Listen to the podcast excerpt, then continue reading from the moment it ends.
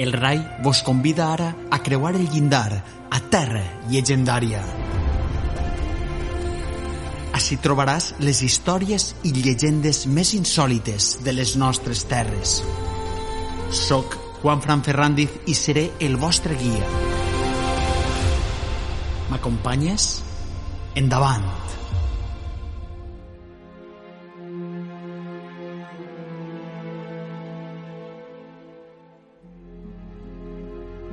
Corre l'any 1608 i estem al camp de Morvedre, prop de Sagunt o en algun dels pobles d'eixa meravellosa comarca.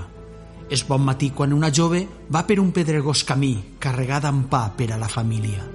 De sobte, un home va cap a ella amb dificultat. Sembla malalt, consumit, famolenc i sense color al rostre, més mort que viu. Li demana pa ansiós i li ofereix una moneda. La jove la mira i nega amb el cap. Eixe real no val allí. L'home reacciona mal. Com que no? Estem a Catalunya i este real val més que tot el pa que portes. La dona nega de nou, cada vegada més inquieta. I li diu que no, que estan a terres de Morvedre, al regne de València. L'home desconcertat li pregunta si no és 23 d'agost i ella li respon «També està errat en això, bon home, estem a 1 de setembre. Qui és vostè?» L'home obre els ulls com a plats, li manca l'aire. Aleshores diu espantat «Soc Pere Porter i si el que dius és cert, he estat nou dies en l'infern».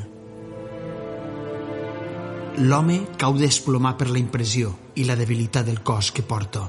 Diuen que va estar un mes sense recuperar la paraula, però quan va poder tornar a parlar va néixer una de les històries més conegudes a tota la península ibèrica, inclosa Portugal, amb un personatge que té un nom que tots heu sentit. L'home que va aparèixer al camp de Morvedre, prop de Sagunt, de manera misteriosa, aquell 1 de setembre de 1608, és el famós Pere o Pedro Botero, el de les calderes de Pedro Botero. Allò de les calderes de Pedro Botero va acabar sent una història de fil i canya que rodamons contaven a les fires, sobre un home que va estar a l'infern i va acabar dedicant-se a torturar condemnats en les calderes d'allí. Però tot això naix del relat que anem a contar-vos avui, a cavall entre la llegenda i la realitat. El protagonista d'aquesta història li deien, en realitat, Pere Porter, i allò de Botero va ser la barreja del seu nom amb el de Pere Botero, un taverner que tenia el local al carrer de l'Infern de Barcelona. Però això és altra història. De Pere Porter, pagès de Tordera, província de Barcelona, sabent que va néixer en febrer de 1553, segons la notació del bateig que encara es conserva, i la seva història coneguda comença un 23 d'agost d'aquell any de 1608. L'home està a casa amb la seva esposa i fills, quan de sobte truquen a la porta. Es tracta de les autoritats.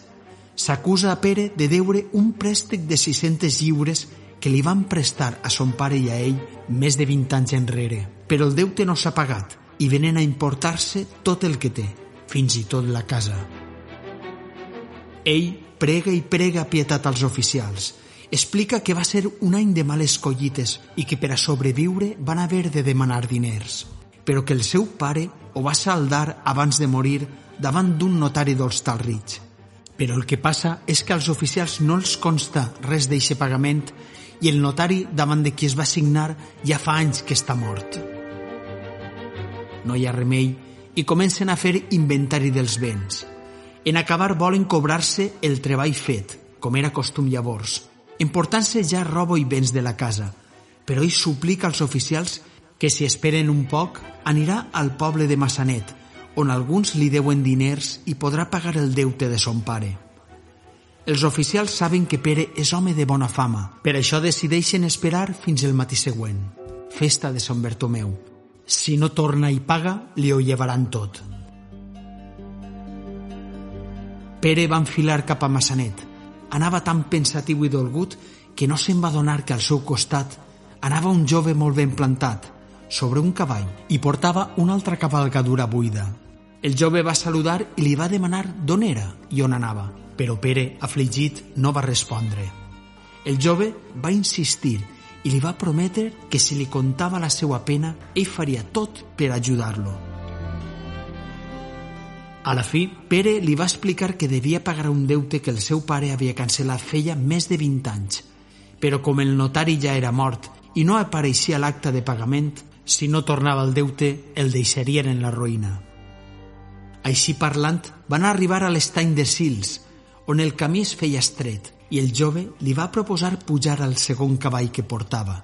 Pere, amb ganes d'arribar pronte i cobrar els diners, ho va fer. Però en el moment en el que va pujar al cavall i es va senyar, com era costum, l'ambient va canviar totalment.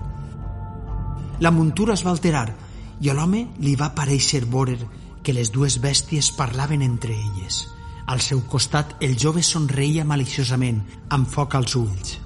De seguida, Pere va saber que estava en una situació terrible. Aquell jove no era qui deia ser, era un dimoni.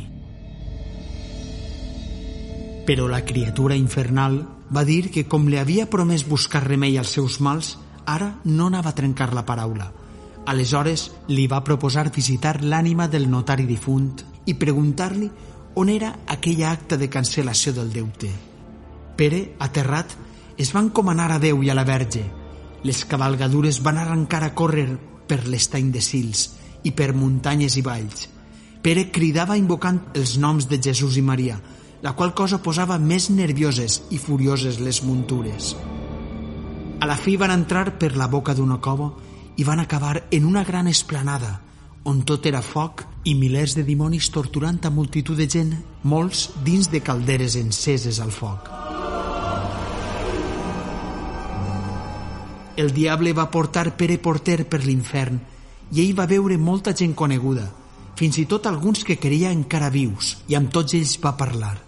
A la fi, van trobar el notari condemnat dins d'una caldera ardent, que penava per haver amagat maliciosament aquella acta de pagament.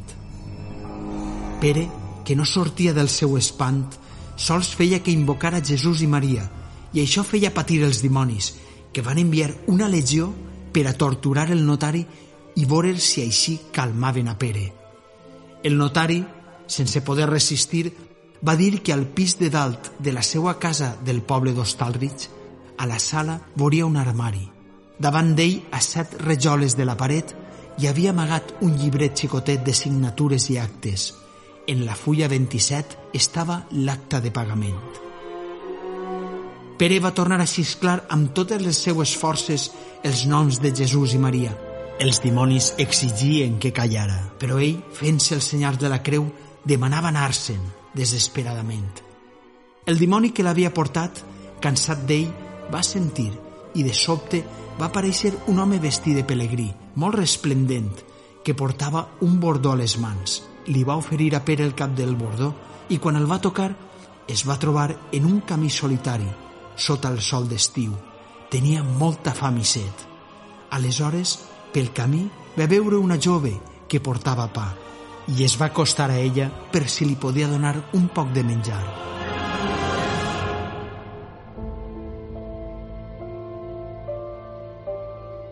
Pere va estar molt malalt i sense parlar res durant un mes a una posada d'un lloc del camp de Morvedre.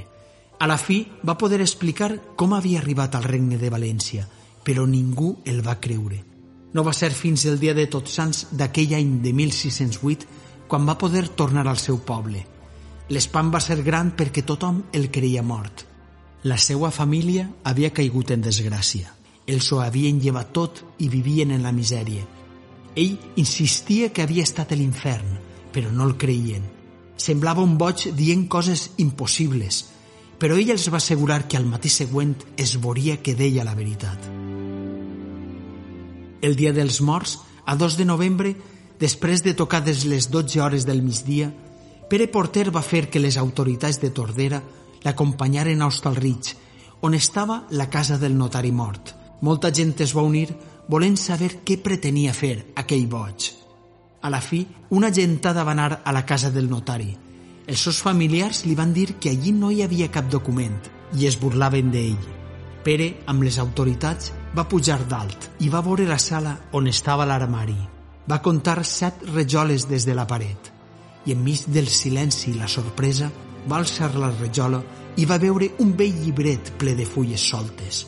En la pàgina 27, com els havia explicat insistentment, estava l'acta de cancel·lació del deute.